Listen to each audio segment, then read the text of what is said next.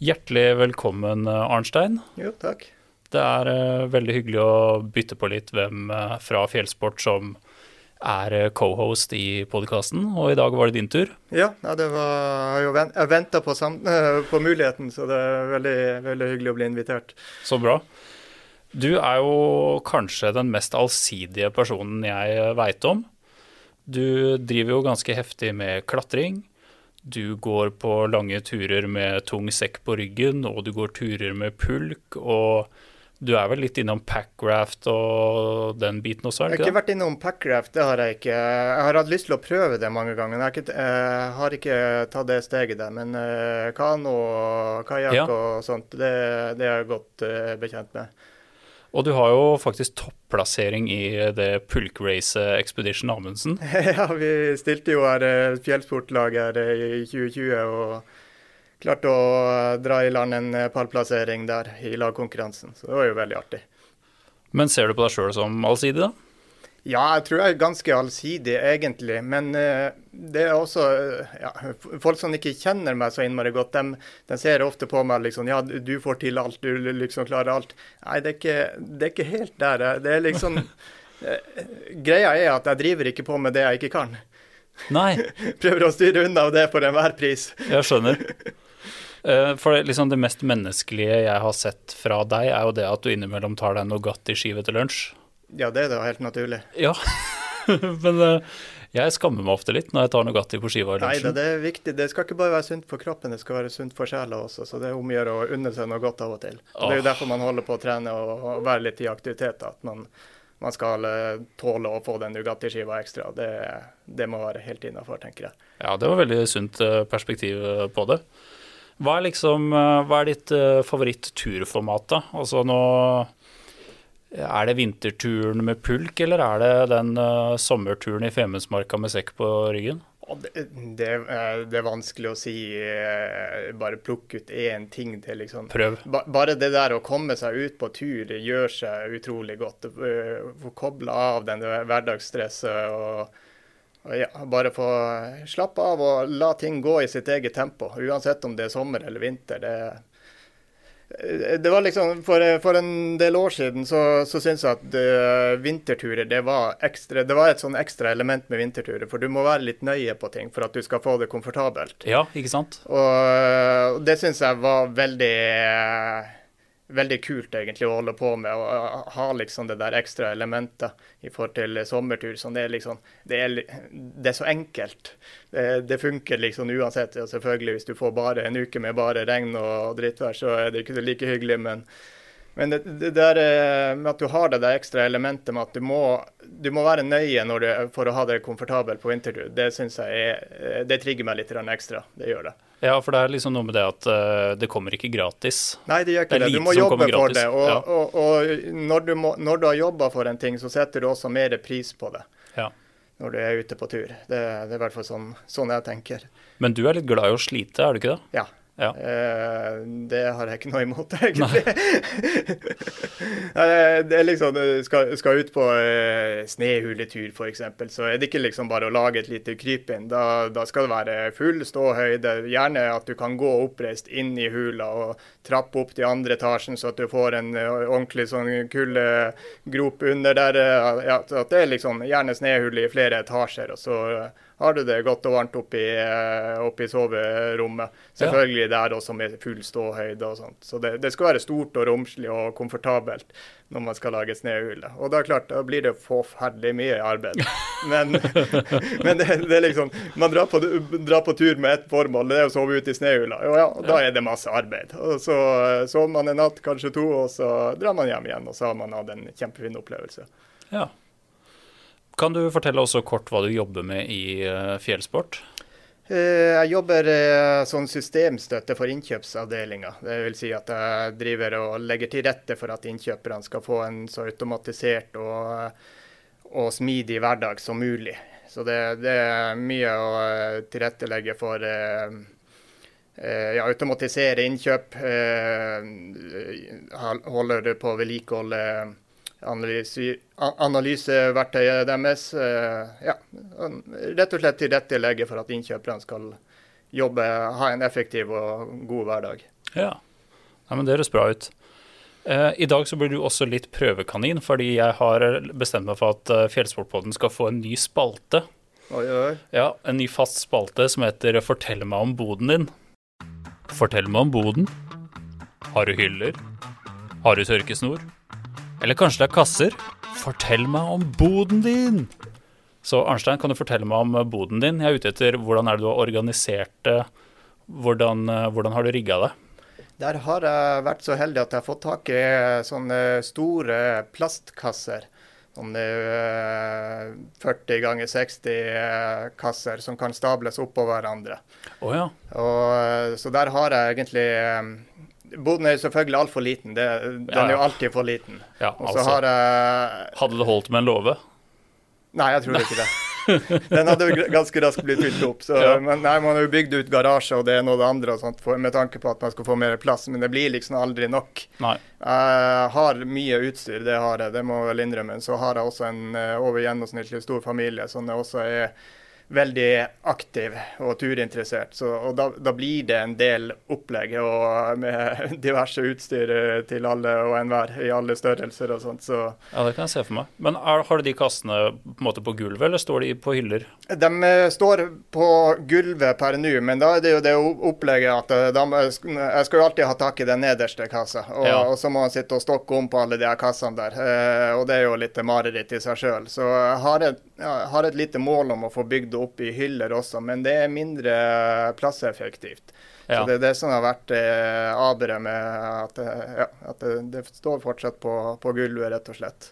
Så det er ikke optimalt ennå? Ikke optimalt. Det, det, jeg tror det tar eh, ganske lang tid før en sånn løsning blir optimal også, egentlig. Men det, det funker. Jeg finner, jeg vet hvor jeg har eh, utstyret mitt. Hver kasse er merka med ja, sånn Her er det skiutstyr, her er det eh, kuldeting, her er det eh, liggeunderlag, her er det sovepose. eh, Ja. Alt er merka på eh, sånn at jeg enkelt ser med en gang hvor, en, eh, hvor de forskjellige tingene ligger. Ja. Så, men skal jeg pakke til en eh, større tur, så må jeg jo ut med alle kassene og plukke litt her og litt der. Så det, det tar litt tid, det gjør det. Men det er jo sånn som jeg bare sitter og koser meg med. Ja, ja. Eh, Om jeg bruker en, eh, en dag på, på å pakke ryggsekken for en helgetur, det, det er bare kos, egentlig. Har du noe tørkerygg, eller? Jeg har et eget rom hvor, hvor jeg har skrudd opp masse kroker i, i taket så med, med noen snorer imellom. og da, da kan jeg henge opp både telt og soveposer og alt sammen der. Og så på med varmepumpa og Ja. litt lufting, og så får man tørka det der. Så det fungerer greit. Og er ting altfor vått, så bruker jeg bare garasjen og henger opp der. Og så har jeg stor plass der, egentlig. ja. Jeg syns egentlig den spalten her funka veldig bra, jeg. Det, jeg tror den har livets rett. Ja, ja, absolutt. Ja. Så det der er, det er jo alltid et eh, veldig relevant tema som folk engasjerer seg for, i hvert fall hvis du er litt overmiddels interessert i å være på tur. Absolutt. Så bra, så bra, så bra. Nei, hoved, øhm, hoveddelen av episoden i dag er jo rett og slett at øh, jeg har utfordra både deg og meg selv til å finne fem ting som på en måte løfter vinterturen til et nytt nivå. Ja. Og det kan både være ting man gjør, eller det kan være noe utstyr eller sånne ting. Eh, så jeg er veldig spent. Jeg vet ikke din liste eh, i forkant. Og eh, Ja, jeg vet ikke din liste i forkant. Og jeg har egentlig også satt det fra nummer fem til nummer én, da. Hvor nummer én på en måte er kanskje det som betyr mest for meg. Ja, jeg, har jo prøvd det. For Først og fremst så syns jeg det var en sånn egentlig en litt vanskelig oppgave. Ja, kjempevanskelig. Ja, fordi eh, jeg sitter og tenker på liksom eh, Hva er det Greia er at man har blitt så innarbeida i sin egen rutine at du tenker ikke over at det her er kanskje er noe unikt. Ikke sant? Ikke sant? Uh, så, så jeg måtte liksom uh, tenke litt tilbake. Hva er det jeg har endra på de siste 20 årene jeg har vært på tur? Ja. Uh, og så liksom prøve å, å dra frem noen ting ut ifra det. Ja. Og jeg har ikke, jeg har ikke klart å nummerere dem, for det syns jeg er vanskelig. For det, det, er liksom veldig situasjonsavhengig, egentlig. Om, eh, det, om den ene tingen fungerer for den ene turen, så er det ikke sikkert at det fungerer for neste tur. Nei, det er sant. Så, så derfor har jeg ikke klart å nummerere dem. Det har jeg ikke. Men jeg har prøvd å, å liste opp en del punkter sånn jeg mener har endra seg eh, gjennom de siste årene på, på, tur, og som jeg tror kan, eh, kan være gode, relevante tips. Så bra. Føler du eh, at du, er, at du, er, veldig låst på hvordan du gjør ting, eller føler du at du kan snu om på en femøring hvis du finner en, et bedre alternativ? Jeg er litt bygd opp sånn at uh, jeg er nødt til å Mm, føle og merke på meg at, her er, at det her funker bedre. Ja. Ingen kan bare gå og fortelle meg at uh, sånn og sånn funker. Jeg må kjenne på det sjøl. Jeg må liksom uh, gå, i, uh, gå, i, fella egentlig for å, å erfare ja. at det her er, er, lurt å endre på. Men sånn, si at vi hadde vært på tur sammen, og så hadde jeg gjort noe på en helt annerledes måte enn deg. Kunne du bare ved å ha sett meg gjøre det, eh, endra det, eller måtte ja, du på en måte Ja, til en viss grad. Det, ja. Så jeg hadde nok forsiktig prøvd det ut hvis det, hvis det så veldig fornuftig ut. Det mm. hadde det nok. Ja. Men uh, jeg, er nok litt, rann, uh, litt sta, egentlig, og skal gjøre litt ting på min måte. Men det, ja, det er sånn, sånn, det er ofte. Ja, men det er, eh, det er, bra, det. Har du lyst til å starte med din, kall det nummer fem, da? Ikke at de har noe rekkefølge, ja, men jeg, jeg tør ikke å si at det er nummer fem, men det, liksom, det, det, første jeg kom på Eh, eller ja, hvis, ja nå skulle du ha det motsatte rekkefølge, da. Da må du ta det siste jeg kom på. ja, det kan du gjøre. det, det, siste jeg kom på, det var egentlig et tips jeg, jeg fikk i lunsjpausen her nå, bare for, eh, for en uh, halvtime siden. Så fikk jeg i lunsjpausen bare et sånn uh, jeg har jo vært tidligere arrangert eh, sånn kompetansehevingskurs for de ansatte på Kjellsport. Ja, hvor jeg har vært eh, dratt ut eh, på turer og hadde litt sånn eh, eh, generelt eh, grunnkurs for, for friluftsliv. da. Ja. Og Da var det en i kantina som nevnte, når jeg snakka om at vi skulle spille inn denne podkasten, at liksom, ja, det tipset som jeg la merke til, liksom, det var det der å spise middag før du legger deg. Spise godt før du legger deg. Ja, ja, ja. ja. Og, det er liksom igjen også, det er en sånn ting som Jeg tenker ikke over det sjøl. Men, men, jeg gjør det jo eh, hver eneste gang, for jeg brente meg så mange ganger på at man legger seg sånn halv mett, og så våkner du klokka fire om morgenen og holder på å fryse i hjel. Ja, du skjønner ja, ja. ikke hvorfor. Soveposen er i orden, eh, underlaget er i orden, alt det der utstyrsmessig er på stell, men du har ikke energi til å produsere varme. Ja.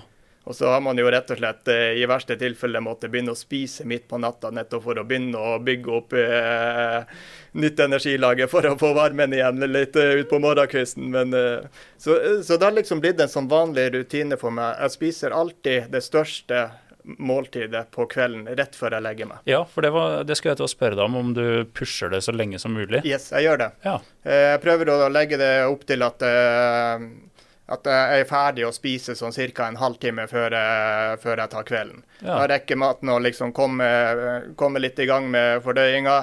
Eh, for eh, gir også litt tid til at eh, man kan eh, springe på do like før man går i posen også, så at man får, eh, får tømt blæra ja, før ja. man legger seg. For det er jo også et sånn kjent eh, mareritt å stå opp om morgenen og det er litt ruskevær og sånt, og så må du, må du ut og pisse. Ja.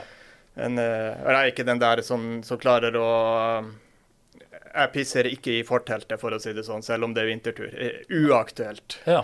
Forteltet det er ren sone for min del. Der skal det lages mat, og der skal, eh, skal det være hyggelig. Det skal skal ikke grises til på noen måter. Hva med sånn pisseflaskeløsninger? Er du på Jeg har ikke prøvd det. Eh, så, så, dårlig vær har jeg ikke vært ute i. Jeg har vært ute i mye, mye vær, det, ja, har det har jeg. Men så desperat har jeg ikke vært at jeg må pisse i flaske. Men den har vært med noen gang, det har den. Med tanke på at her kan det potensielt bli sånt vær. Men jeg har aldri gjort det, faktisk. Det har jeg ikke. Men det er jo komfortabelt òg, for du slipper den turen ut.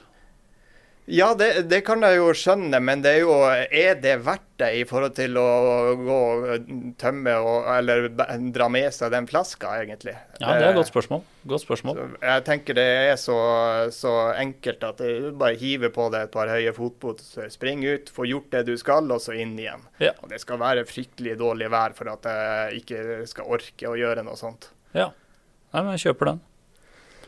Er det noe mer du vil legge til der, eller? Skal jeg gå over på min? Nei, det, jeg tror det spise eh, før ja. du legger deg, det, det, er et veldig godt punkt. Ja, absolutt. Min eh, kall det nummer fem, det er rett og slett eh, Jeg tror kanskje jeg har nevnt det i, før, nei, i en annen episode før, men eh, Det å ha en sånn blå Ikea-pose til å ha snø du skal smelte i, Ja. Den er jeg så glad i. Den hørte jeg den episoden der også. tenkte jeg liksom, ja. eh, For det, jeg har jo hørt mange snakke om eh, eh, å ha det i sånne pakkbager og sånt. Men de pakkbagene er så små i åpninger, Ja. så du får liksom ikke nesten inn. Det blir så mye styr. Men i Ikea-pose det er jo liksom bare skuffe oppi og ta med deg inn. Ja, absolutt. Og, og fordel er jo at den veier jo absolutt ingenting. Nei? Og så syns jeg at det blir en fin organisering i forteltet. For du har jo noen gærninger som sitter og skuffer snø fra forteltet opp i kjelen. Ja. Og det er ikke, det er ikke god stil, altså.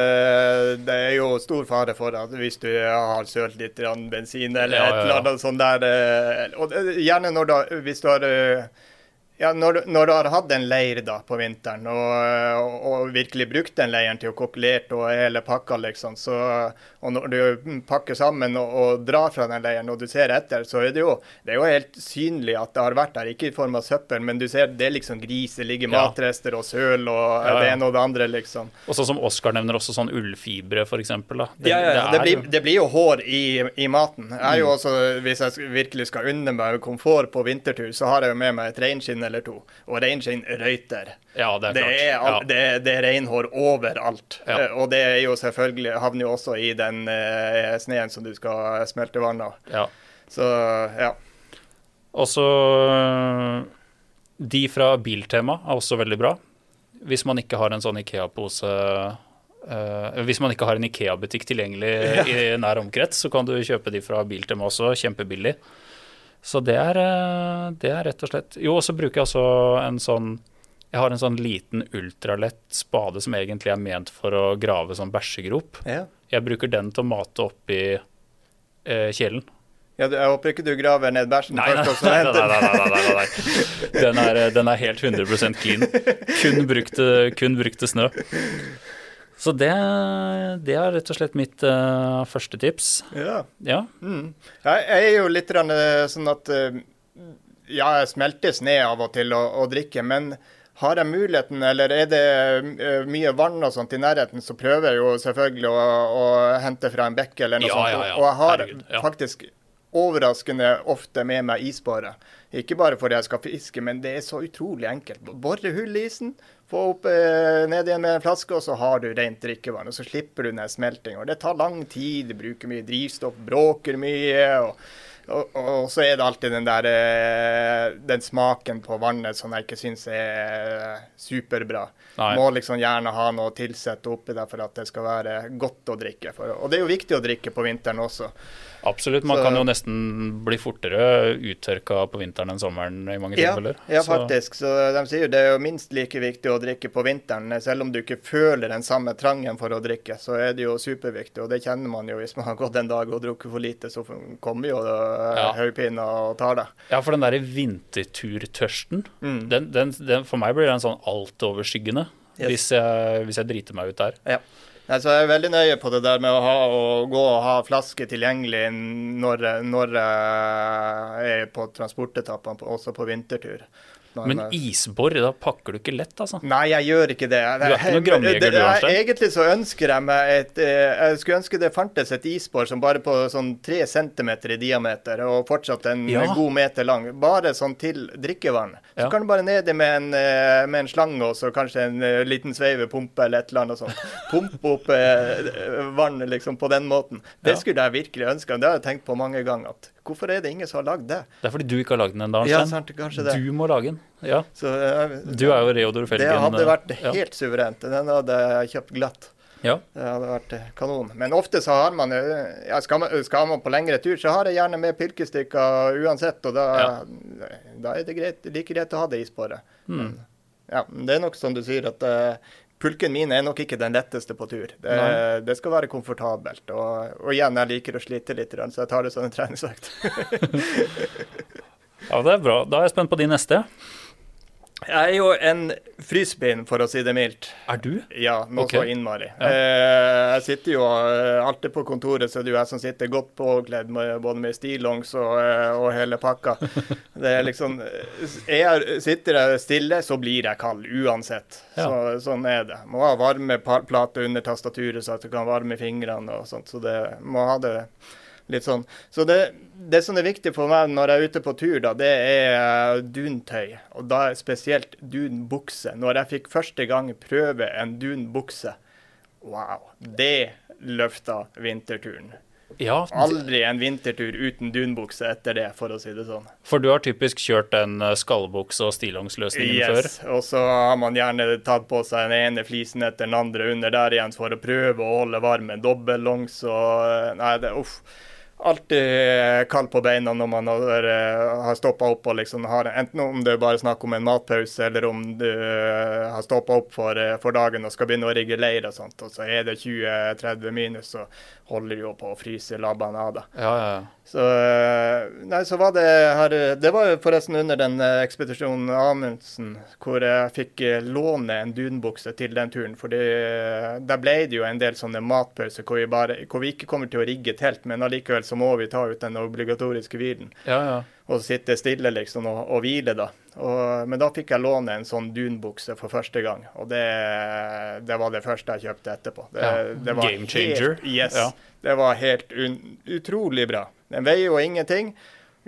Helt glidelås, sånn at du bare kan eh, glide den rett ut på eh, skallboksa. ja. Og, og få varmen, eller beholde den varmen du har opparbeida deg mens du har eh, vært i aktivitet. da. Så beholde den varmen helt til, til du skal videre, eller til du kommer ned i soveposen. Ja, det er genialt jeg skjønner Altså. ikke hvorfor man ikke har skaffa seg noe sånt før. Det er så mange år som man har drøset og, og sluppet, eller ja, lidd seg gjennom den der kuldeperioden der. Og det fryser jo mindre på tærne òg, når du, Ja, når du får varmt blod ned Eh, gjennom. Du får det Det er litt samme som knebeskyttere. Ja, Altså, hvis du, hvis du varmer opp eh, kneleddet ditt, da, som oftest uh, står ut og tar mye vind og sånn, så er du jo med på at det blodet som faktisk kommer ned i fotbladet, blir varmere, da. absolutt. Så det, nei, det er jo liksom viktig å få varme opp egentlig fra hjertet og, og, og så langt ut til øh, endepunktene som mulig. Så, så er det større sjanse for at du holder tærne og fingrene varme. Ja, men Det er sabla bra tips. Det vet jeg også Oskar, eh, som mange kjenner fra episoden her også, er veldig glad i. Han har den derre Nonstop-buksa. Ja.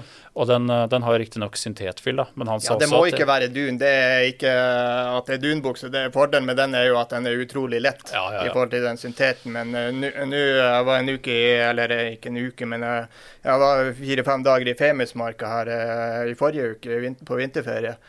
Og da hadde jeg en, eh, en syntetbukse istedenfor dun. For jeg hadde med meg eldstedattera mi, og hun måtte låne, få låne den varmeste dunbuksa. Så endte jeg opp med syntetbuksa. Men det også, det funka helt kanon. Ja, Hvordan Så det- syntetbukse var det, da? Det var eh, en som jeg lånte her fra det demorommet vårt. Eh, Ja. Den, det var en rabbebukse. Ja, hva den heter for noe, det tør jeg ikke å gjette jeg, på. jeg tror det er noe på X. Jeg, jeg tør ikke å gjette Ja. navnet, da, men det, Ja. det er bare en, egentlig en helt enkel syntetbukse. Men fortsatt igjen eh, med hel glidelås. Det er viktig. Mm. Ja, så at du viktig. kan bare hoppe rett inn i den. Ja. Der er det ofte sånn at du, hvis du setter den glidelåsen bare sånn to tredjedeler sånn midt på lårene, så er den stor nok til at du kan bare stikke skiskoene rett gjennom, og så, så er det bare å glide igjen.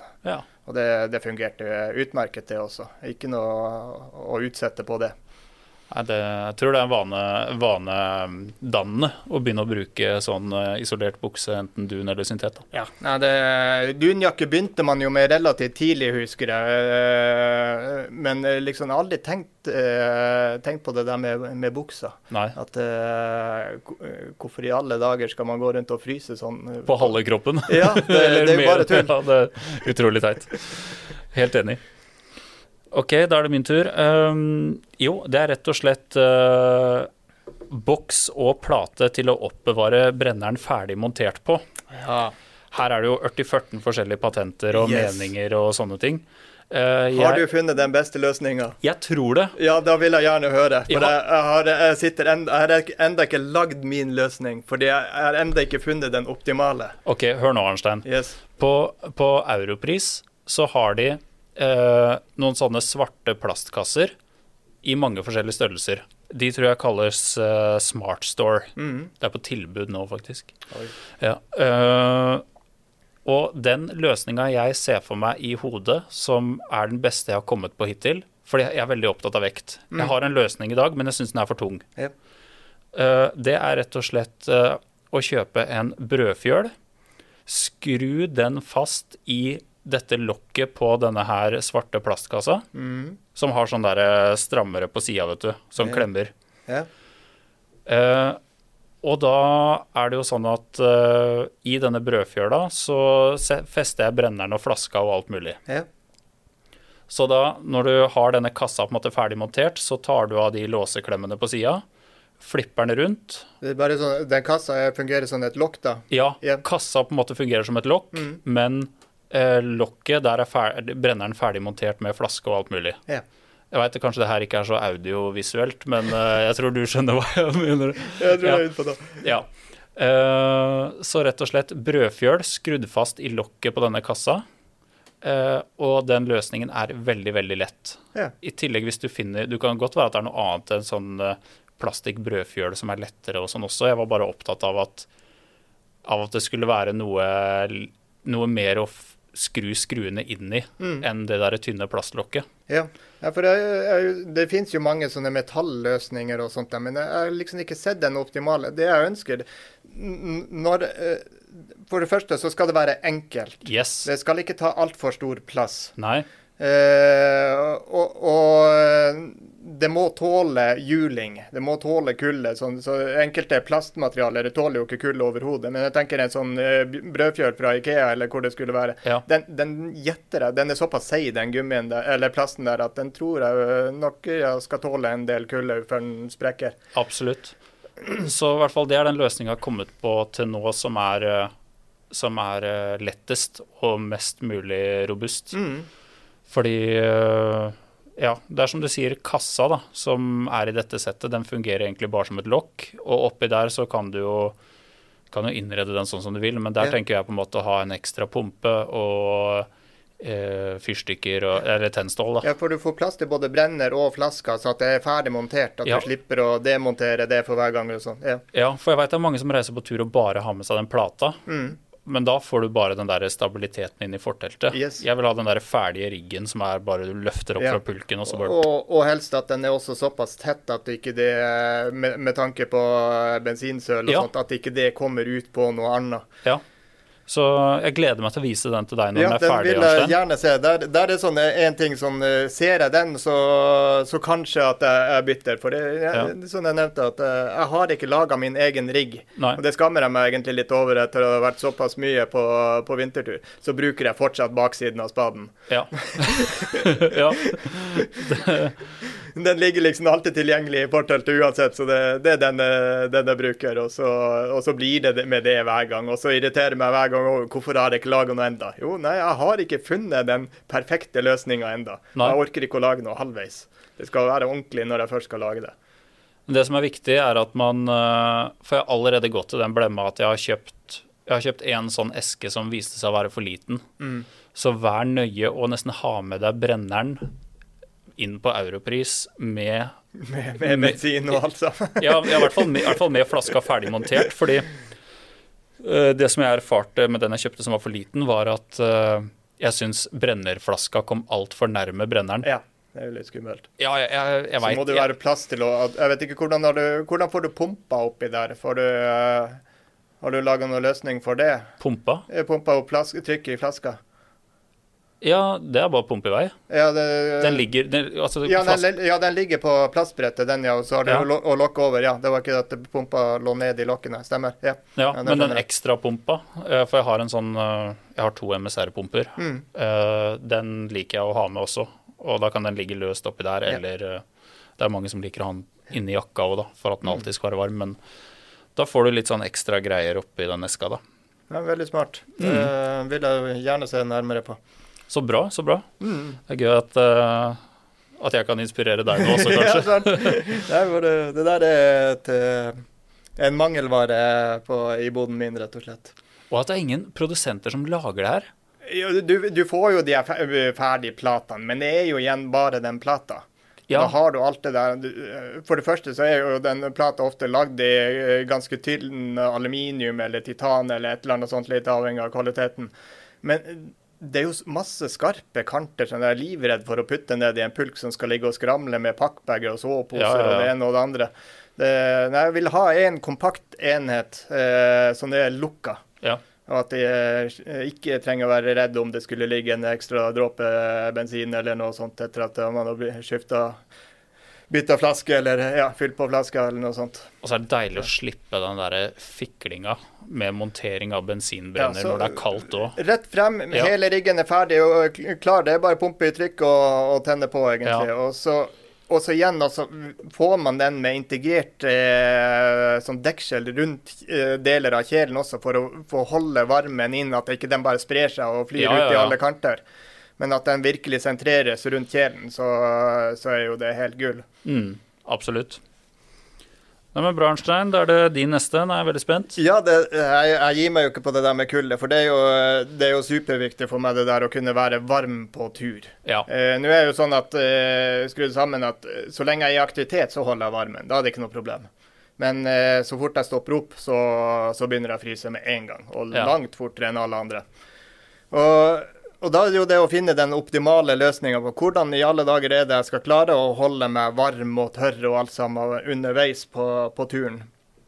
Og da igjen, altså, Amundsen den gjorde mye, mye utslag, egentlig. Da fikk man, man var så heldig og fikk prøve en del nytt utstyr. Ja. Og så også at uh, man fikk en del inspirasjon fra, fra andre da, som også hadde gått det løpet tidligere. Så vi, vi, fikk prøvd en del nye løsninger da. Og da ble jeg introdusert for uh, Brynje sitt uh, supertermosett. Ja. Wow. Ja, ja, ja. Men Der, da snakker du da syntetversjonen? Ja, syntetversjonen. For ja. det, det, egentlig så, så det, for meg så er det litt viktig å skille på det der.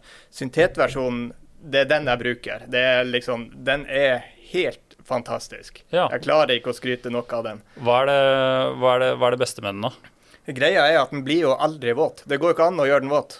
Du kan jo dyppe den ned i en elv og dra den opp igjen, og så er det bare å riste den litt, og så er den helt tørr. Da ja. kan du bare ta den på da. Det... Fukttransporten? Eh, ja, fukttransporten. Det, det, er jo ingenting der sånn Fukta kan jo ikke legge seg igjen i masse hull.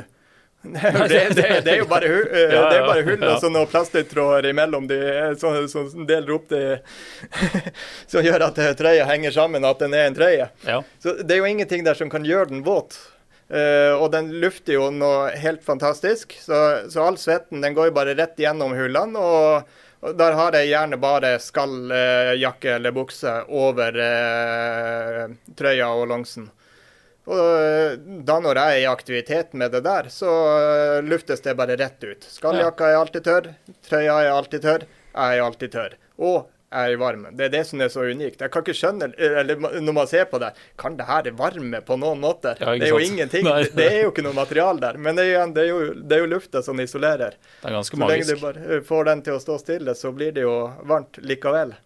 Så og igjen fuktigheten har ingen steder den kan uh, bli liggende. Ja. Og Det er derfor jeg skiller også på at du må ikke kjøpe de nettingtrøyene med i ull. For oh, da mister du litt av den egenskapen. For ulla den er jo ekspert på å holde på fuktigheten. Ja, den isolerer til en viss grad, men allikevel, når det er 20 minus og du har en svett, våt ulltrøye, så blir den kald. Da er det mye bedre å ha en polyester som er tørr. Ja, jeg ser poenget ditt.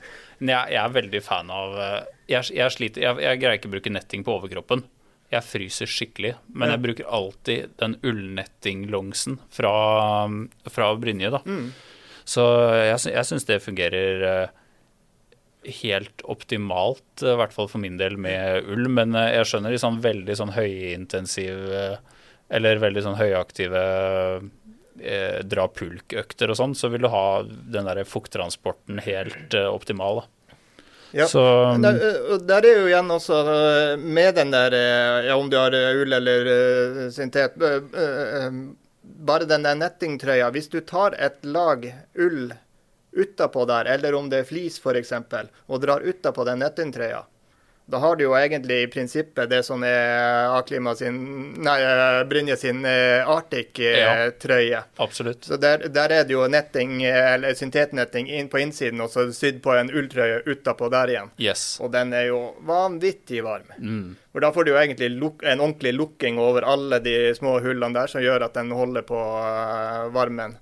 Ja, det er fantastiske produkter. Altså. Men igjen, der, der, skal man jo være litt forsiktig og være i aktivitet med den, for det den blir våt hvis du virkelig jobber i en sånn, du men du blir jo så varm. Ja, så absolutt. når jeg stopper opp, så er det liksom jeg skal skifte og er ferdig liksom for dagen, så skifter jeg gjerne til den Arctic-trøya.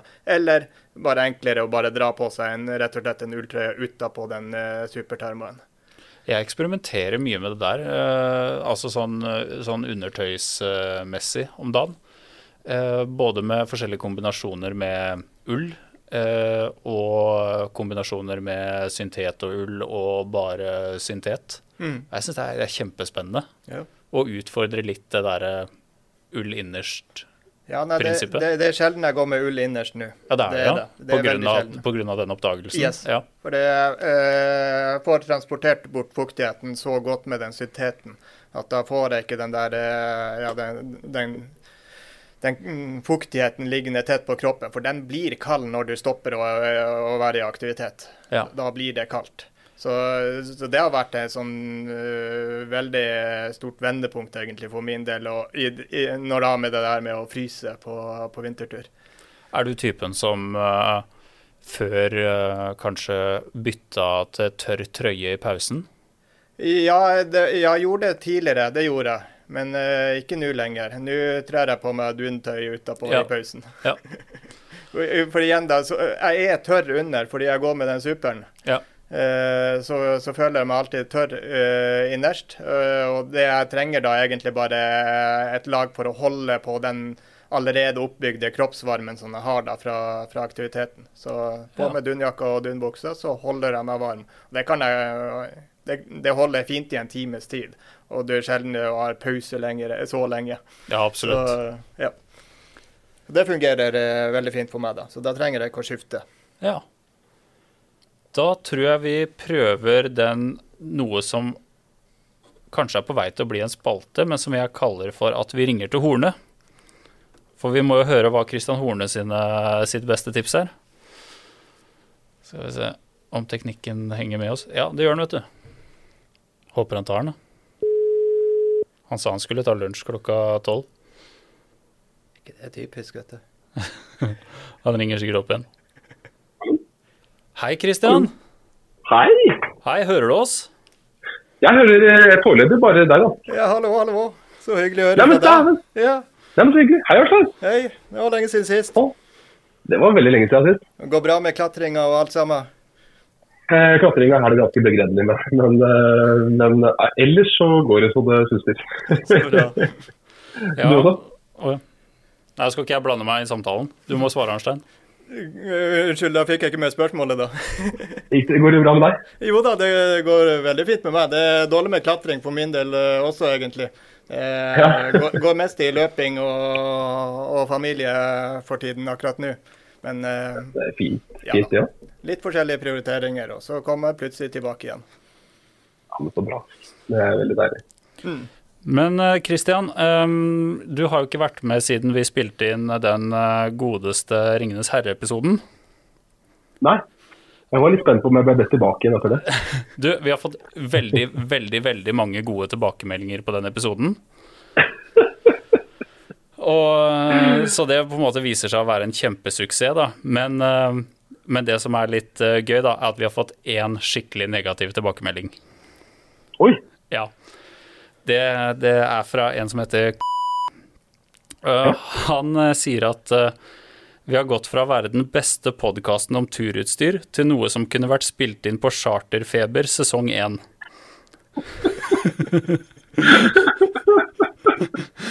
og, Ja, det er klart at sånne tilbakemeldinger må man ta til seg. ja, herregud. Og så, og så skriver han også at, eh, at podkasten slettes fra spillelisten umiddelbart, og det er også slutt på å handle fra fjellsport.no.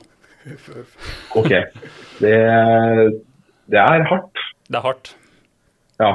Jeg vet ikke, jeg ble litt sånn flabbergasted jeg nå. Jeg vet ikke helt hva jeg skal si. Det er, eh, men jeg tar det jo til etterretning, selvfølgelig.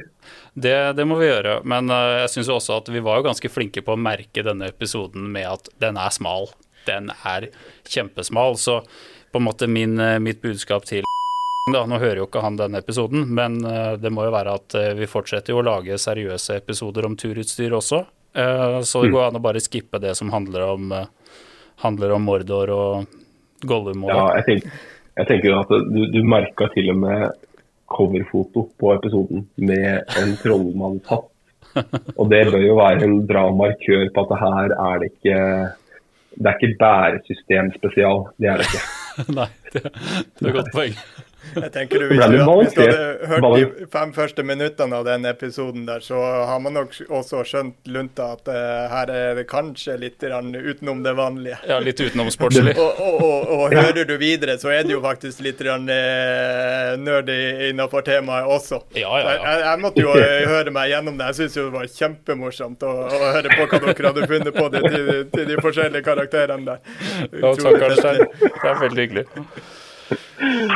Ja, så flott. Og det blir jo balansert som du sier, det blir jo balansert veldig fint. med, altså Neste episode var jo en uh, altså, pulkbonanza med alle nerdespørsmålene som finnes om å trekke ting i pulk. Ja. Det var jo, det balanserte seg pent føler jeg. Ja, men det, ja, og balanse er viktig. Men uh, ja, ja. nok, nok chit-chat. Uh, Horne, vi, vi, lurer på Jeg har bedt deg forberede et tips som løfter vinterturen til et nytt nivå. Mm. Eh, og nå er, vi, nå er, både Arnstein og jeg veldig spente her.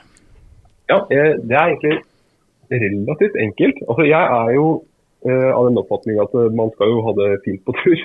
Det er jo veldig mange som kanskje er opptatt av hvor hard turen er, og hvor lang turen er, og hvor mye man frøyser og sånn. Og Det er jo fint å ha noe å fortelle i lunsjen på jobben, men, men en ting jeg lærte i Forsvaret, det var liksom at du skal ha så mye velferd som du greier i den situasjonen du er. Ja. Uh, og den er jeg veldig enig i. så uh, Hvis det er, liksom, er det en tur som er uh, lang og slitsom, så prøv i hvert fall å legge inn de der, den komforten du kan. Og jeg er veldig glad i kaffe. Veldig, veldig glad i kaffe. Og veldig glad i sånn, den der lille morgenstunden der du våkner og er litt groggy, og så har du hele dagen foran deg, og så ha, gjør du det litt sånn koselig. Så mitt beste tips når du sover i teltet om vinteren, det er å gjøre i stand kaffeutstyret kvelden før. Og om du, altså hvis du nøyer deg med pulverkaffe, ok greit, bare legg den klar og ha, ha liksom eh, vann på, på termos sånn at du slipper å smelte snø også, sånn, at du bare kan varme opp det vannet med en gang. At ting er lina opp litt, koppa står klare og det er i orden. Eller hvis du liksom har sånn filterholder, da har jo dere masse fine sånne måter man kan lage kaffe på på tur. Ja. Om det er sånn mokkakanner, filterholder, som er min helt klare favoritt. Det er det beste. Filterkaffe og filterholder og så helle vann over. Eh, eller om du bruker sånn eh, cowboykjeler, holdt jeg på å si, eller hva det er. Eller om du har kokekaffe. Men bare gjør ting klart kvelden før. Så at når du våkner, så kan du ta og fyre opp primusen med alle forbehold om kuldeoppspisning og alt mulig sånn, selvfølgelig. Fyre opp, få det varmt og fint i teltet. Eh, lag kaffen, og så unn deg selv en god kopp med kaffe i, i teltet. Ja. Og igjen, Hvis du nøyer deg med pulverkaffe, så er det helt greit. Men det, det, altså, det, det, veier så lite å ta med seg kaffeutstyr som gjør det litt hyggeligere, og som gjør at det smaker litt bedre. og så Nyt den koppen med morgenkaffe i teltet. Så rett og slett gjør ting klart kvelden før. Det er absolutt ikke. Nå støtter jeg deg veldig. Jeg er ikke noen kaffedrikker, men uh, uansett det der å, å, forberede på kvelden sånn at morgenen blir så behagelig ja. som mulig. Det der å, å ligge i mm. soveposen og spise frokosten og sånt, det syns jeg er helt topp. Ordentlig sånn mm. avslappa morgen. og uh, så slipper man det der å ja, skal hive seg ut i kalde vinterstøvler og, ja. og så uh, stå og fryse på tærne før du kommer i gang, liksom. Gjør deg ferdig i teltet mens du er god og varm i soveposen. Ja. Ja, og legg ting, til legg ting til dette, sånn at du slipper å måtte krype ut av posen. Bare stikk en hånd ut i forteltet, og så har du det du trenger. Helt enig. og Det er liksom det finnes jo ikke noe verre enn å våkne våkne opp på tur, og så kanskje er kuling og poksene utafor, og du er litt sånn groggy, og så kanskje, det litt, eh, kanskje du har glemt å åpne lufteluka i teltet, og det er litt mer rim på innsida, og så skal du begynne med å finne fram ting. Å nei, den lå i pulken ute, og pulken er nedstrødd. Ja. Altså, Spill deg sjøl god. Det er litt sånn uh, Morgenutgaven og kveldsutgaven av deg det er to vidt forskjellige mennesker. Så Hvis kveldsutgaven er litt grei med morgenutgaven, så blir ting så mye hyggeligere. Da, jeg, jeg, må bare, mens vi har deg på tråden, Horne, fordi et av mine tips Vi er ikke ferdig helt med vår liste ennå, men uh, et av mine tips her er jo det jeg kaller for våknedrops. Ja, ja. Fordi Ok, ja, det kan du misforstå, selvfølgelig. Ja. ehm, og det er fordi jeg syns det er grusomt kjedelig å gå ut av soveposen om morgenen når det er kaldt. Så jeg liker å ha med meg en sånn liten pose med bringebærdrops. Uh, sånn, hva sa du? Fra Brynjer. Ja ja, herregud. Det fins jo ikke andre. Og så, og så tar jeg et sånt et i ganen, og da får jeg en så mye bedre start på dagen. Og så er jeg veldig obs på at jeg må ha det dropset i munnen når jeg går ut av soveposen. Så fantastisk. Ja, Det så helt det, ja, altså det er liksom det er, det er veldig velferd for meg, da, og særlig når jeg har den, eh, den ballasten jeg har hjemmefra med tannlegepappa, så er det å på en måte ta et sånt drops før tannpussen om morgenen, det er jo mitt ungdomsopprør. Det er, nesten like, søtt- det er nesten like søtt som da jeg hørte at Børge Ausland var smak for sånne macadamia-nøtter. Ja. Nei, men Ja, bra. men det er eh, veldig Nå fikk jeg lyst til å dra på tur, egentlig bare for å få en god barn. Ja, ja så det ja, men det er bra. Da er vi litt eh, samstemte der, Kristian. Ja, Nei. kult. Ja, takk for at du bidro. Så lokker vi spalten Vi ringer til Horne. Takk for at jeg ble ringt igjen. Jeg setter pris på det. Ja, det er Og så til, eh, tilbake til neste runde med sånn der Ringenes herre og Star Wars eller et eller annet, så får vi bare få merke det enda bedre, da. Ja, vi får merke det enda bedre. Så håper vi at eh, kommer tilbake. Ja. Ja, Yes. ha det, ha det bra, du. Funker overraskende greit, altså, det der eh, ringinga. Ja, ja, Så det var litt, eh, Det er litt kult, det, da. Ja. Han har jo Eh, fryktelig mye, mye spennende å fortelle om han. ja, og, og, og det vi glemte å si, det er jo at eh, Kristian Horne har jo også vært med på Expedition Amundsen flere ganger. Det Og, var jo litt han vi fikk en god del tips av før vi skulle gå. Han Ja. gikk vel inn til en andreplass, tror jeg. I singelklassen, ja. Ja, det står det respekt av. Ja, fy søren. To kilo godteri, og det han hadde med seg, eller noe sånt i purken. Ja. Han gjennomfører jo et helt Norseman nå på vann og gel, tror jeg. Han har jo ikke noe fast føde den dagen. Nei, helt uh, spinnvilt. Men Arnstein, eh, hvem sin tur er det nå, da? Nå tok jeg mitt våknedrops. Skal du ta en, da? Jeg kan godt ta en eh, Og det som sånn eh, jeg har lyst til å dra frem da, det er noe så 80-talls sånn rumpetaske. Oi! Ja. Og rumpetaske, det, igjen også, den ble også introdusert gjennom Amundsen. Det var fryktelig mye Det var en ordentlig oppgradering, rett og slett, å være med på den, eh, på den turen der. Den har jeg heller aldri lagt fra meg når, når det er snakk om uh, vintertur med pulk. Ja. Er det rumpetaske, selvfølgelig. For da, og, og den skal være uh, bak frem, altså at uh, veska er på framsiden og ikke bak på ryggen. Ja, For ja, da er den tilgjengelig mens du går. ja. Og da har jeg lista opp eh, seks viktige egenskaper som en rumpetaske skal ha for at det skal være godkjent som en ordentlig rumpetaske for pulkbruk. OK, nå er jeg spent. Nummer én, det skal være vottevennlige glidelåser. Ja. Kjempeviktig. Og det, det er jo ingenting som er verre enn å måtte ta av seg vottene og bli kald på fingrene bare for å åpne på en glidelås for å få tak i det du skal ha. Uh, om det ikke er ferdig vottevennlige glidelåser, så er det jo kjempeenkelt å bare lage med bare knytte på en liten snor eller et eller annet sånt. Ja. Så er det problemet løst. Nummer to, det må være en bred løkke eller, eller håndtak sånn i toppen av rumpetaska. ja. Eh, grunnen til det, det er fordi når du har den rumpetaska på framsiden, så har den ofte en tendens til å henge ned på lårene. Og da går du egentlig og sparker i den rumpetaska hele tiden. Så da bruker jeg den løkka som er i toppen av rumpetaska, den bruker jeg til å klipse fast i brystspenna på dragsela. Oh, ja. For da får jeg løfta den opp, liksom, at jeg har den midt oppå magen. ja. At eh, den ikke kommer da i veien for, eh, for beina. Så det er en veldig viktig egenskap på rumpetaska. At den Ja. har den, eh, den løkka du kan klipse fast i brystspenna. Nummer tre så må det være en god plass til en eh, termokopp eller en isolert flaske. Og helst så må det være muligheter da for å kunne klipse den flaska fast for å sikre den at den ikke faller ut av rumpetaska. Hvis du f.eks. er nede og om du skulle tryne, da, i verste fall, så har en sånn flaske veldig lett for å ramle ut av, eh, av rumpetaska. Og så i verste fall så, så mister du den, for du legger ikke merke til at den falt ut i det du prøvde å kave deg opp og grave deg frem av sneen. ja. Smart. Så en liten karabin, eller eh, om det er en elastisk snøring i den eh, flaskeholderen der, som du bare kan ja, bare surre det strikket over tuten på, på flaska eller noe sånt. Bare et eller annet som sikrer at den ikke ramler ut.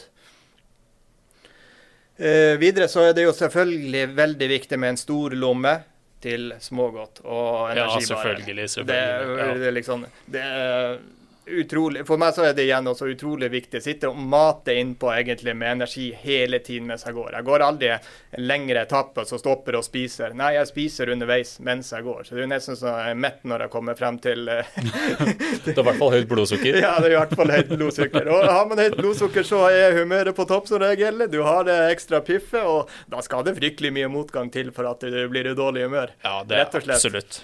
Så eh, for meg så er det veldig viktig. Og der har jeg også gjort i, i min rumpetaske, så har jeg lagt ned en sånn stor eh, skru, en sånn gammel skrueboks, en plastboks, som gjør at det, det rommet utvider seg litt. Så det er veldig oversiktlig. Åpner jeg glidelåsen, så ser jeg rett ned i alle godbitene som ligger nedi, nedi ja, den ja. boksen der. Så Men hvordan liksom- rumpetaske er det du har, da? Jeg har eh, endt opp med en eh, Low Alpine eh, Space Case 7 liter. Wow. Ja, for jeg har den Low liksom min- Alpine Nijmegen uh, 6, tror jeg Ja, stemmer det. Og Mm. den er veldig lik. Ja. Uh, det eneste forskjellen er at den der uh, spacecasen den har en egen flapp på, på, uh, på Den har egentlig en, en åpen lomme på framsiden.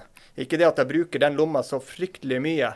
Men grunnen til at jeg valgte akkurat den versjonen, det er for at den var veldig enkel å tilpasse, så at jeg kunne lage en GPS-holder på rumpetaska. Du, Arnstein, fader Ulland, jeg skulle akkurat å spørre deg om det. Kan ikke du bruke den her som bord for GPS-en? Yes. Men du var det. Ja, fader Ulland. Det lagde vi Ja. til, til Amundsen igjen, Ja. da. Så, så For da går du med hendene fri, og så ser du kursen, yep. ikke Så der har jeg Ja. laga en, en, en arm som, som jeg, Egentlig så er det et eh, lokk som jeg putter ned i den, den åpne frontlomma. Og så har jeg en liten uh, skruklemme som jeg låser den fast, så at den ikke kan komme ut. Ja. Og, det, og det lokket der, det gjør at det blir, da får jeg en stiv flate som, eh, som ligger rett i front av hele rumpetaska. Og ut ifra den flata så, på, eh, så har jeg skrudd på en arm som holder GPS-en opp i riktig vinkel foran meg. Så når jeg bare ser litt ned, så ser jeg rett i skjermen på GPS-en. ja. Og Den kunne jo selvfølgelig bytta ut med, med et kartblad eller, eller noe i den Ja, ja, ja. også. Men uh, i og med at uh, på Amundsen så skulle jo følge et spor til enhver tid. Og da var det veldig praktisk å ha den GPS-en stående foran meg hele tiden. ja, det får jeg se. om Mange har også den der armaturen med bare armen. Yes, du, du, får jo en eget seletøy da, med Ja. den armen ut som kommer ut fra, fra brystet. Uh, så den har jeg fått eh, overført i, til rumpetaska. Så der, den er klar der. Smart, smart, smart. Ehm, så skal det jo selvfølgelig være en ekstra lomme også til eh, solbriller og hodelykt. For det er liksom sånn typisk ting. Solbriller går litt av og på med vær og, og, og vind. Og hodelykta det, Du går alltid når, når, du, når du går ute der og det går over, over fra lys til mørkt, så blir det alltid at du drar den litt lengre før du tar Ja. den pausen og skal begynne å lete frem hodelykta. Så er det stupmørkt, og så skal du begynne å lete etter hodelykta da. Ja. Hvis den mot formodning, som den ofte gjør, ikke ligger på, på riktig plass, så har du Ja, så er det mye styr å finne frem. Så hodelykta ligger også klar i rumpetaska. Ja. Og det siste, en egen liten lomme for søppel. Det er typisk at du har noe energibare eller et eller annet Ja, sånt der sjokoladepapir og- Ja, et eller annet sånt. Ja. Så at du kan eh, få det unna, at ikke det ligger og blandes sammen med alle godsakene, men at det ligger for seg sjøl når, du- når du er ferdig med det. ja. Så det er liksom eh, seks gode egenskaper med en eh, rumpetaske. Perfekt rumpetaske. Ja, det der likte jeg veldig godt, Arnstein. Det er, det er gøy hvor forberedt du er. Så går jeg rett og slett over på å sørge for at du har store nok kompresjonsposer og pakkposer. Ja. Det, Altså, vet du hva? Stapping av friluftsrelaterte ting er det verste jeg veit om. Jeg er helt allergisk. Man kommer jo ikke Når du ruller opp det der og skal liksom ha tak i den ene tingen som ligger midt inni der, du ser den jo ikke. Du kommer ikke til. Du ender opp med å ta ut alt, og så risikerer du å få sne inn, og så blir det bare ball, egentlig. Ja, Stor åpning, stor, stort rom, så kan du stokke og dandere inn i posen og finne frem det du ønsker. absolutt. Men særlig sånn til soveposer.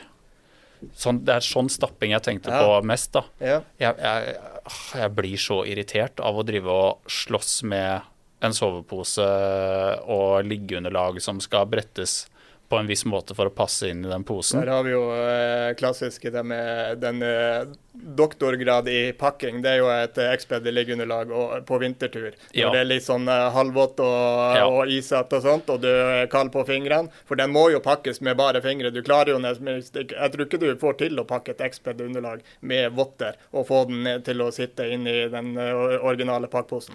Helt enig. Så, og, men der har jeg funnet løsningen. Det er det rett og slett at jeg har et sånn Exped mat cover, og den bruker jeg som pakkpose. Ja. Så det jeg gjør, er at jeg bare ruller den sammen, og da får jeg en, eh, da får jeg en pølse ca. på bredden av Eller halvparten av bredden på liggeunderlaget. Mm. Og så tar jeg bare en strikk rundt. ja. Fordi eh, Hovedgrunnen til at jeg kjøpte det beskyttelsestrekket, var egentlig fordi at uh, hunden min går rundt inne i teltet, og jeg har Mm. ikke lyst til at uh, det skal bli høl. Nei, selvfølgelig. Men så oppdaga jeg liksom på en vintertur nå for ikke så lenge siden at fader, altså, jeg dropper den der kompresjonsposen. Så det er helt perfekt, og du, du får alltid plass til du får alltid plass til liksom I en pulk så får du plass til en pølse som er eh, 40 cm lang. da. Ja, ja, ja. Det, det, er jo, det er jo aldri noe problem med plass i en pulk. Så Nei, Men også funker det også bra i sekk eh, på den måten jeg har, gjør det nå, da, med bare å ha det inni det matcover-greiene. Og det matcover jeg sjekka før, eh, før episoden, det veier 220 gram. Ja. Jeg er jo litt sånn gramjeger, men jeg tenker at det er det søren meg verdt for Mm. å slippe den der brettinga og rullinga. Absolutt. Så det er mitt topptips. Eh, dropp kompresjonstrekket, i hvert fall til liggeunderlaget, og kjøp eh, matcover istedenfor. Mm. Det funker helt eh, vanvittig bra. Bra. Og inni der så har jeg også puta og sånne ting, da. Så på Ja. måte, mye av det som er relatert til liggeunderlaget, Mm. og pumpesekken, da, denne schnuzzle-bagen, Yes. det ligger inni det matcoveret. Så det er på en måte en slags sånn miniaktig bedding. Yeah. Ja. Mm. Men du har ikke gått eh, helt over på beddinga? Eh, jo, egentlig. Eh, jeg syns det er et helt fantastisk konsept, for det blir sånn ett koll inn, ett koll ut-opplegg. Ja. men, eh, eh, men det er litt det der med, som vi snakka om i den pulkeepisoden òg, at eh, hvis du har veldig kort pulk, Mm. så kan det bli litt Da, eh, det, da funker det ikke, det. Men jeg ser jo på alle de der Ausland-turene og Hvitserk-turene og sånn, så ser det ut som at de har jo bare et parisbrett med en, eh, med en eh, bedding oppå. Mm. Så jo, jeg er definitivt uh, over på den løsninga, men sånn som den pulkturen jeg var på for et par helger siden, så var det meg og en kompis som delte en pulk. Mm. Og da syns jeg det blei litt råflott med den beddingen oppå. Ja. Og, vi, at det bare, liksom- og at bare jeg skulle ha bedding, det Ja, føltes samme, litt sånn. Det Samme for ja. min del eh, egentlig også. Nå når jeg var i Femundsmarka i for, forrige uke, så, så hadde dattera mi eh, bare en eh, helt liten pulk, bare akkurat til sine personlige ting. da. Det er begrensa hvor mye en 14-åring klarer å, å dra med seg i pulken. Så hun fikk en eh, relativt bare sånn 120 pulk, var det vel. Ja. Som bare, bare sine egne klær og soveposen og liggeunderlag. Og jeg tenkte litt sånn så at skal man ha bedding? Ja, vi har bedding til begge to, men den beddinga den egner seg ikke på den lille pulken. Det, det blir både for bredt og for langt, og det blir bare problemer med velt og, og, og sånt. Spesielt hvis det skulle bli litt vind eller noe sånt, så har han ikke kjangs med en sånn bedding oppå.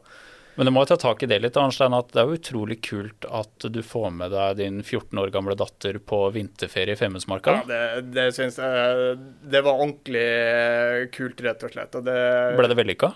kjempevellykka. Ja. Og hun drar gjerne på tilsvarende tur igjen. Wow. Det, Så det- ble det må, Og det var jo målet, egentlig, selvfølgelig. liksom Å, å få litt trigga på det der. Mm. Så ble det, det ble en utrolig fin tur, og du virkelig du føler at du nå har man kommet til, til det stadiet hvor du ordentlig får tilbake igjen fra den uh, innsatsen du har lagt ned i, i, i barndomstiden. Sånn liksom, ah, nei, det var, det var ordentlig, ordentlig herlig å, å få oppleve det som, som pappa. da. Ja, det kan jeg se for meg. Så det, ja, ja, det var skikkelig vellykka. Vanvittig kult. Eh, Kan du ta din neste? Eh, min neste, der har jeg satt eh, fjellski. Ja. Enkelt og greit. Greia er at nå de siste årene så, så føler jeg at liksom, fjellski, det er ikke lenger bare fjellski. OK. Nå nå får du fjellski som faktisk fungerer å gå med. Og ikke bare sånn er en eh, planke som du bare skal eh, bære deg opp på sneen. Nå får du fjellski med ordentlig spenn i. Ja. eh, så at du kan gå på en ordentlig måte. Og som regel, Det kommer jo selvfølgelig an på hvor du skal. Skal du inn i skogen og hvor det er mye løssnø, så har ikke spenn noe, noe betydning. Ja, i, I hvert fall ikke i samme grad som du har når du går over vidda hvor det egentlig er ganske hardpakka snø. Men eh, eh, ofte så, så går det jo sånn at det, det er hardt underlag, egentlig. Relativt hardt underlag. Og da er Litt sånn forblåst viddelandskap, ja, liksom. Og da er godt spenn eh, en enorm fordel i fremfor de, den gamle typen fjellski som var bare helt slapp. Du tråkka flat uansett. Og spesielt når du, når du får på den der eh, kortfella under skien. Hvem er det som smører fem millimeter tjukt lag under skien sin og tror at det skal gi god glid? For det er jo så tykk den der eh, kortfella egentlig er. Det, Ja, og- det glir jo ikke i det hele tatt. Nei, man må jo tilpasse de kortfellene litt òg. Ja, ja men du får likevel, altså. Det, du har liksom den der bremseklossen som er helt fremst på fella, og den er altfor høy, etter min mening. Oh, ja, ja. Yes. Så, så den ligger jo og subber hele tiden. Men så øh, Nå får du jo tak i fjellski med integrert fell, som er felt inn i skien. Yes. Den bygger jo ikke noe. Det er jo akkurat som den vanlige fell langrennsski. Mm.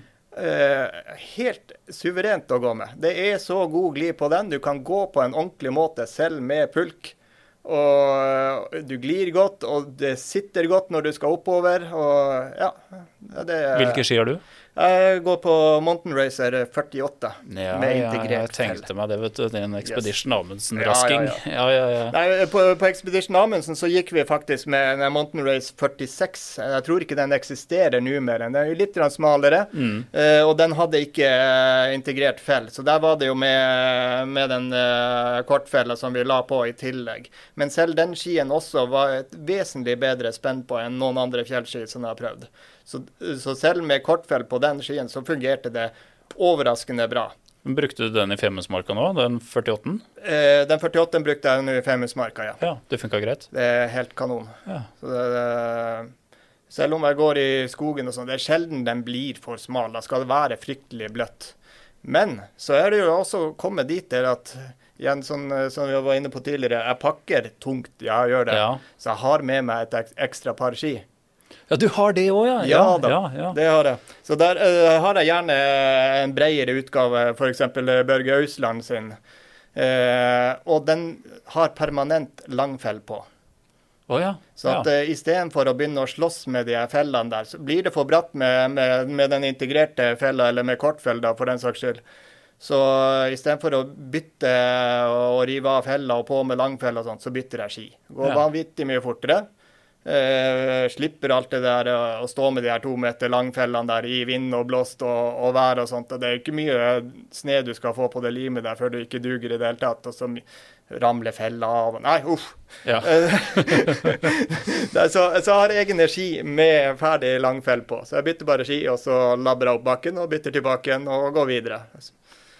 I tillegg til, til det så har man jo også to kjempegode bardunfester til, til teltet. Ikke ekstra. minst. Spesielt er du alene eller bare to stykk, og du har et eh, ja, ofte litt større telt, da, som jeg gjerne velger. Og går jo glatt opp to eller tre personer i, i teltstørrelse for å ha det komfortabelt på vintertur.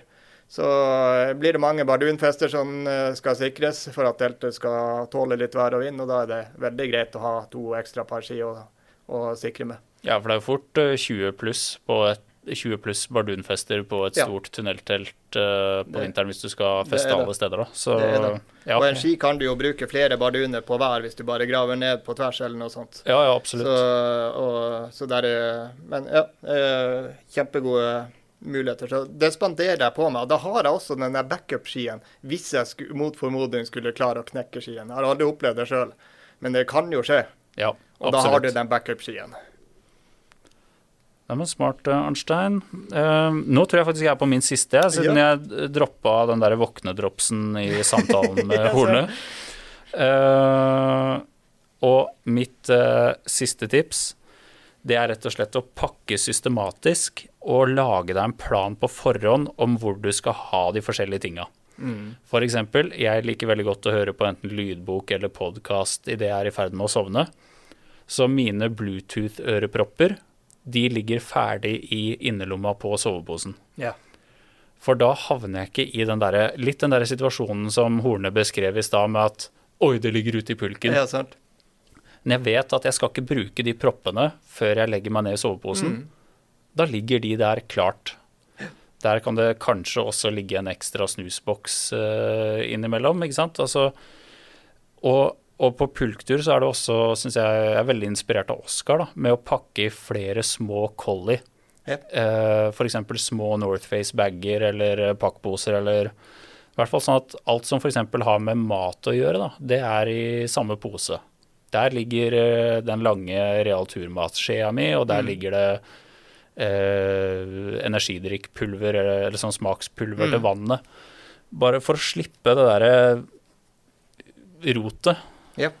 Og, Jeg, jeg har også på, øh, på mat så har jeg liksom Jeg har en middagsbag, jeg har en lunsjbag og jeg har en sånn snacksbag. ja, Uh, og så den lange spiseskjea, den hopper jo mellom middag og, og lunsj, avhengig av hvor på dagen jeg er. Så jeg må bare liksom huske å overføre den.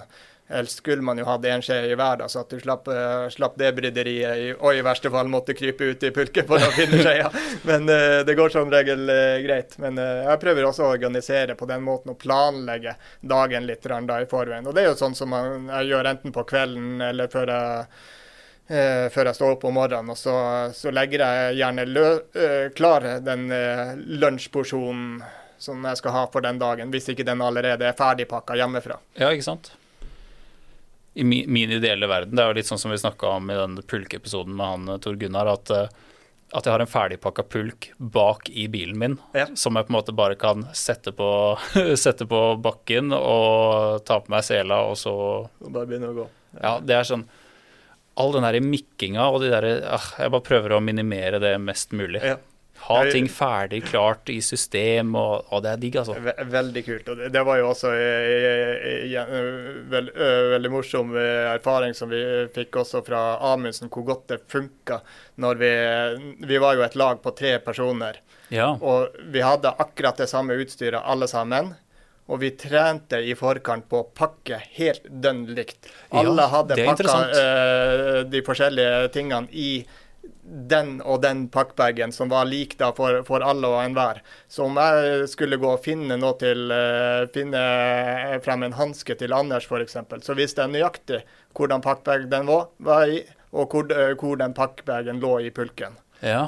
Smart. Så, og, og på den måten så, ja, så hadde vi stålkontroll egentlig på hverandres eh, utstyr. Så hvis det var en som var sliten og trengte å ha litt ekstra pause, så kunne noen andre bare overta dens oppgave og, og, og gjøre det. For der var det jo om å gjøre å være mest mulig effektiv, spesielt på de her eh, hvile, de sjekkpunktene hvor vi skulle hvile.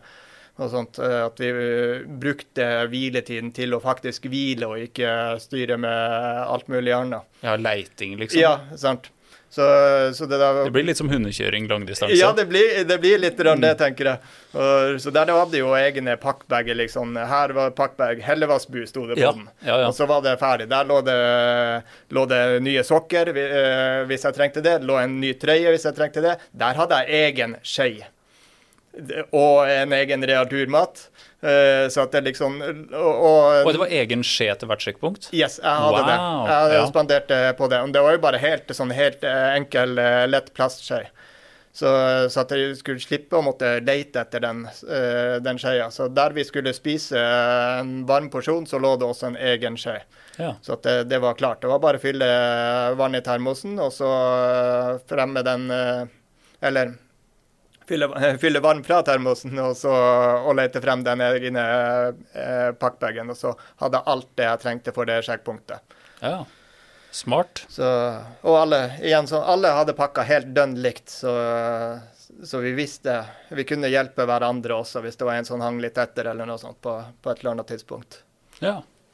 Og det gjør det utrolig mer effektivt. Jeg kjenner jo også nå når jeg, jeg gikk i Femundsmarka også, det er liksom det var ikke så nøye på hvor man hadde ting. Ja, vi, vi, vi, vi har sånn noenlunde et sånn fast system som jeg bruker til, til enhver tid. Men jeg må liksom gjerne gå det inn litt sånn. Så, så første dagen så er det helt OK system frem til du har pakka ut leiren, og så begynner du på dag to, og så er det litt mer miks. Og så går det liksom fra dag tre og utover, så har man fått kontroll på det. Og da har du funnet liksom den nye rutinen for denne turen. Ja. For det, det, er ikke alltid at jeg har med akkurat det samme utstyret hver tur. Det er det jo ikke. Nei, nei, nei. Ja. Så, så, det tilpasser seg egentlig litt underveis. Ja, men det er kult. Uh, er, det, er du nå på din siste?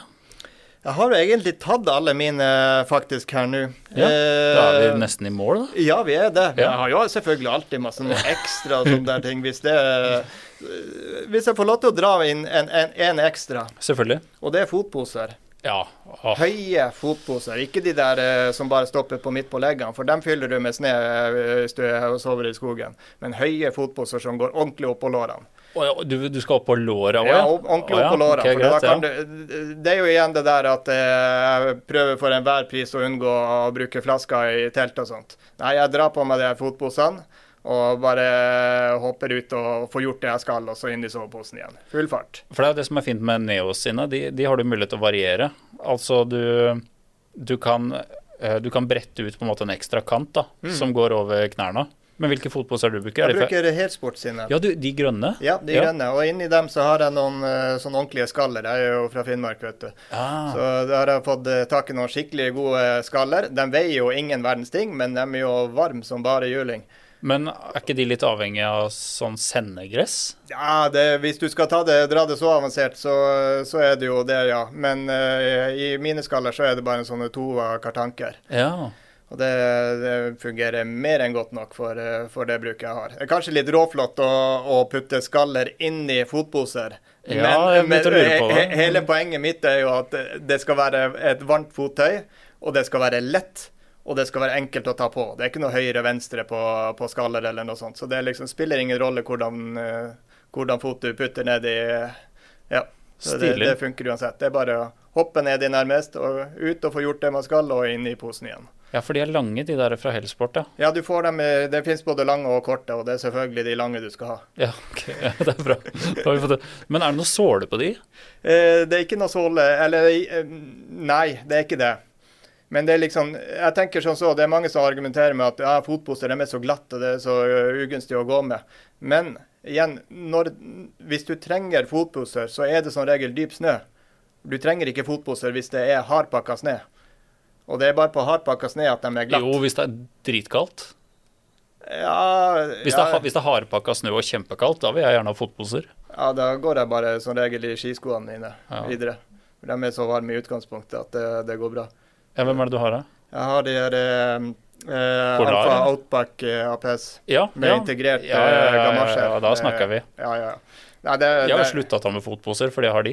Ja, jeg har nesten det også, men jeg har dem som regel med, for det er så digg på morgenen ja. å kunne springe ut i de fotposene istedenfor å ta på seg de kalde ja. skiskoene. Jeg ser den. Jeg ser den. Så, det, ja, så jeg spanderer på meg de, de grammene ekstra. For igjen, det veier ingenting. Du spanderer jo på deg alt av ja, gram, Arnstein. Du sparer jo ikke på noe. det skal være komfortabelt. Ja, ja, ja. Nei, man skal kunne kose seg på tur. Og ta det som en treningsøkt. Nei, det, det, det, høres ut som pulken min veier 60 kg, men det, det, gjør den ikke. 60 er på nærmere 100 på, på, det, Nei, da, på det jeg ser for meg her nå. Nå i Femundsmarka så, så lå den på par og 40 kg. Ja. Det, det, var ikke noe mer, og da hadde jo jeg alt av mat og fellesutstyr for, eh, for meg og dattera mi. Ja. Hun hadde sitt eget personlige utstyr sånn, i sin pulk. Så, så, det ble ikke verre enn det. Og likevel så hadde vi jo alt det som vi har snakka om her nå. Masse, masse kos og komfortabelt. Ja. Så isbor og hele pakka. Selv om vi ikke hadde med pirkestikker. Men, men rett og slett for vi kan bore og få ordentlig godt drikkevann til enhver ja. tid. Ja, men du Arnstein, det her syns jeg var uh, superhyggelig, og jeg tror at det her blei uh, veldig bra innhold. Og uh, tusen hjertelig takk for at du stiller opp og er så sporty. Tusen takk for at jeg fikk komme. Det var veldig hyggelig. Så bra. Da runder vi av denne episoden.